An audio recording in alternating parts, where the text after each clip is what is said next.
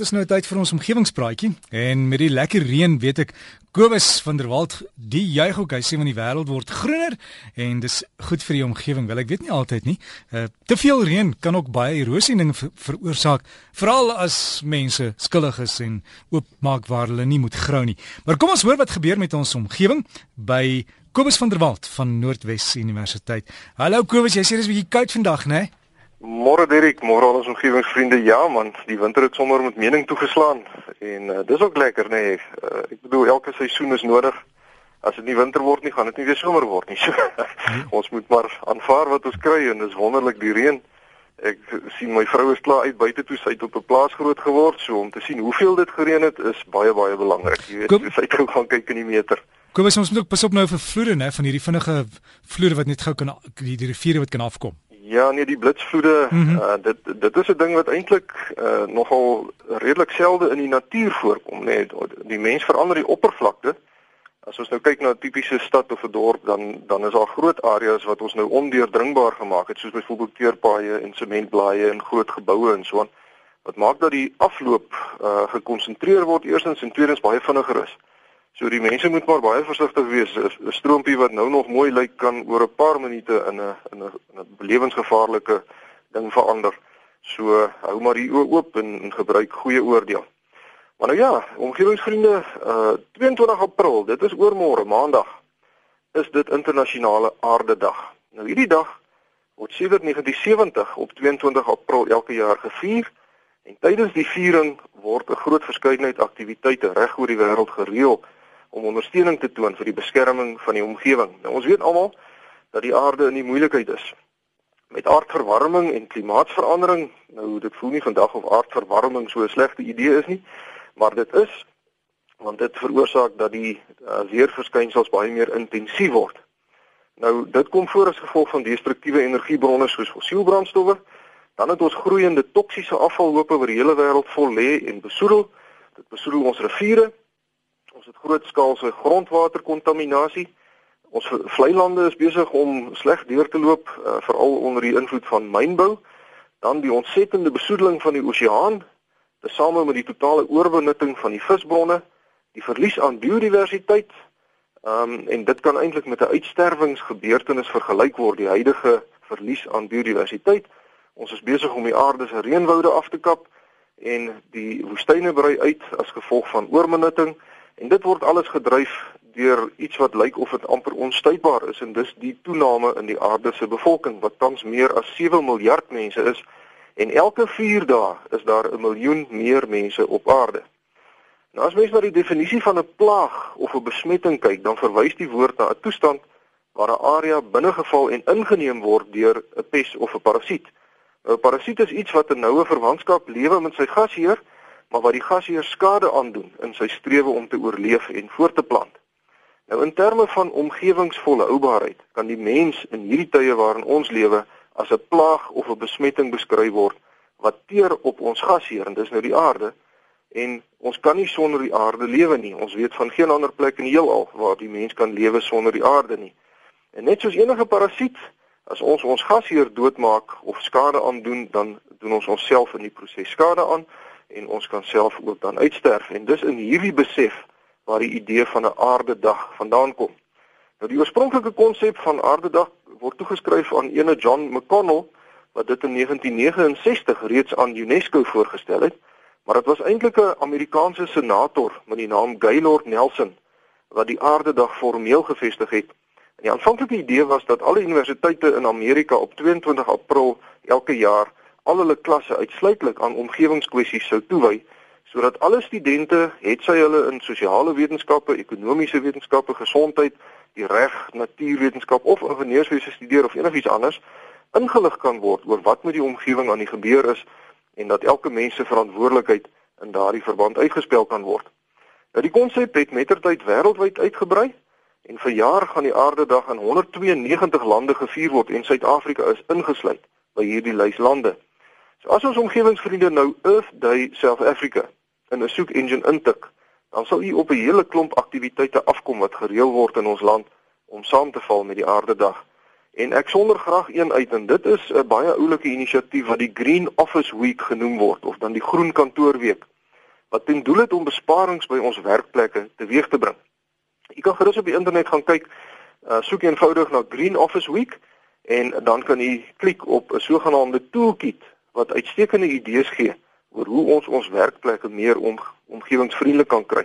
Nou die idee is dat 'n mens jou 'n slag jou kantoor se invloed op die omgewing kwantifiseer deur te meet hoeveel elektrisiteit vir verhitting of verkoeling en vir beligting gebruik word, hoeveel water vir koffie, skorrelgoed en die natgooi van plante, hoeveel papier, drukkers, ink en cartridges soos die ouens sê, hierdie um, goed wat ou in die drukkers gebruik, hoeveel toebehore, ehm um, hoe elke mens na die kantoor toe kom soggens en weer terug gaan huis toe na werk hoe omgewingsvriendelik reise is wat ons nou in in die loop van ons beroepe moet onderneem. Ehm um, hoe omgewingsvriendelik die vervoer van ons hulpbronne na die werkplek toe is en wat ons met ons afval maak. Hoe omgewingsvriendelik die vervoer van ons produkte na ons kliënte toe is. Ehm um, en dan ook die optimale gebruik van tegnologie soos byvoorbeeld telekonferensies oor die internet in plaas van dat al die mense nou moet ry na een uh, kantoor toe om 'n om, om 'n vergadering te hou. Nou daar's 'n hele klomp eenvoudige maar baie oulike idees. Soos byvoorbeeld dat elke personeel dit nie elke maand al die tydskrifte self koop nie, maar dat almal onderling ooreenkom op wie watter tydskrifte gaan koop en dit dan op 'n beurtstelsel kan huis toe neem en lees en dit dan weer terugbring vir die volgende persoon. Nou weet ek dat daar mense is wat sal dink dat sulke inisiatiewe eintlik net lastig is want hoe groot is die omgewingsinvloed nou eintlik van 'n paar tydskrifte as mens nou dink aan die groter prentjie, die reuse invloed van kragstasies of motors op die omgewing. Maar so 'n denkraamwerk is verkeerd, want elke klein bietjie help en 'n groot klomp klein bietjies is baie. So dink nou net vir 'n oomblik dat as al die werkgewers in Suid-Afrika hierdie komende week die stappe wat gegee word in die groen kantoorweek sou volg, watter reuse invloed dit sal hê op ons omgewing. En daar's nog baie ander inisiatiewe ook op die internet. U sal dit alles kan verken as u bloot Earth Day South Africa soek op die internet. En ek het die adres waar die oulike riglyne vir die groen kantoorweek ehm um, het ek op die webwerf geplaas www.groenenergie.co.za. So u kan dit daar ook kry. Dis www.groenenergie.co.za. Gaan kyk gerus daar. En dan net om vanoggend vir ons omgewingsvriende 'n idee te gee oor wat alles gedoen kan word om ons werkplekke meer volhoubaar te maak, wil ek graag vertel van 'n gebou wat oormôre op Aarde Dag geopen word in Seattle in die Amerikaanse staat um, uh ag in Amerika Seattle. Uh die gebou is staan in Seattle en sy naam is die Bullet Sentrum. En die mense wat in hom gaan werk, kan met reg beskou word as voorlopers in volhoubaarheid. Want die gebou verskil van ander geboue in die sin dat dit groen ontwerp is en omgewingsvolhoubaar bedryf gaan word. Nou is daar is baie soortgelyke groen geboue op aarde, sogenaamde groen geboue, maar in hierdie gebou word die dinge tot die uiterste toe gedryf. Byvoorbeeld, daar is 24 toilette in die gebou, maar hulle gaan almal van die kompos tipe wees. En hulle is so effektief dat die eerste kompos eers oor 18 maande verwyder sal hoef te word en dit is 100% reukloos. Daar gaan verder streng energie en waterbeperkings in die gebou wees en die gebou het geen parkeerruimte vir privaat motors nie, maar eerder 'n ruim parkeerruimte vir fietsse en storte waar fietsryers hulle sweet sal kan afwas en dan sal kan aantrek om te gaan werk. Al die water wat in die gebou gebruik gaan word, gaan reënwater wees wat van die dak af versamel word. En hier het Seattle natuurlik 'n voordeel bo Suid-Afrika want dit reën baie daar, so hulle het genoeg water. Maar hulle dak gaan ook vol uh, fotovoltaïese selle wees wat 230 000 kWh per jaar sal kan lewer.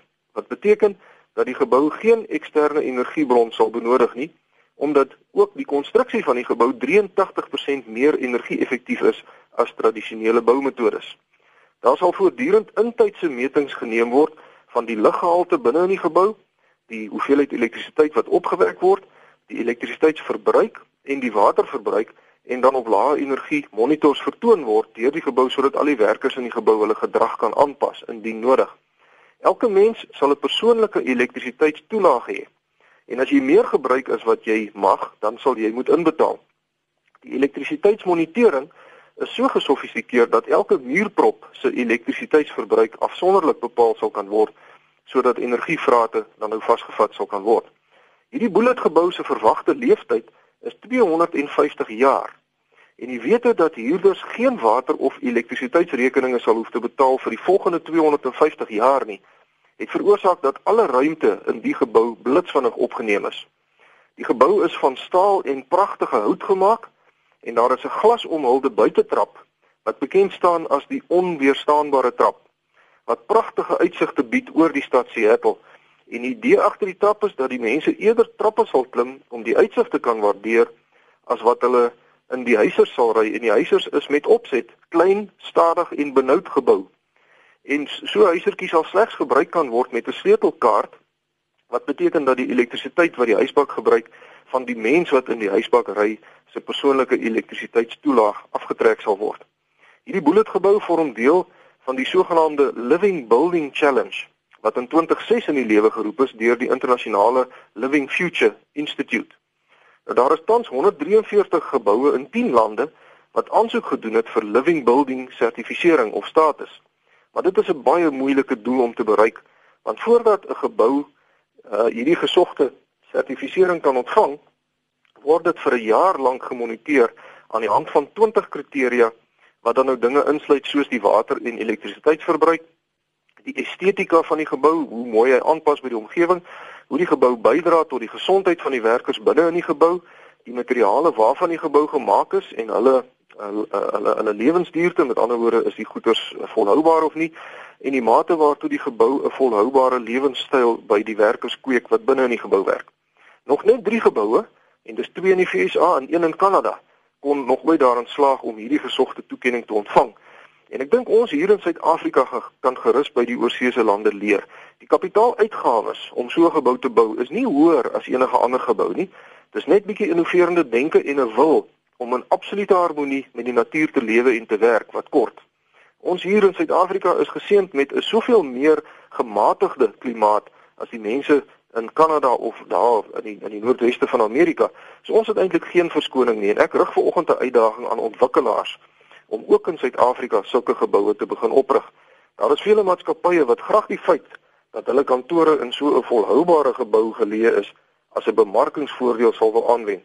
So hier is 'n uitstekende geleentheid vir innoverende entrepreneurs en ontwikkelaars om terwyl u nou nuwe geboue bou, terselfdertyd sommer iets goeds vir ons planeet ook te doen. Hierdie daarmee sluit ek af. As ons omgewingsvriende vir my wil skryf, is jy baie welkom. My rekenaaradres is kobus.vanderwalt@nwu.ac.za en my posadres, ek is by die fakulteit Natuurwetenskappe, Noordwes Universiteit, Potchefstroom 2520. Hartlike groete tot 'n volgende keer en mag jy 'n heerlike warm snoesige Saterdag beleef. Dankie vir jou Kobus, Kobus van der Walt. Daar, hy posadres is kobus.vanderwalt by NWU www.ac.za van Noordwes Universiteit met ons omgewingspraatjie.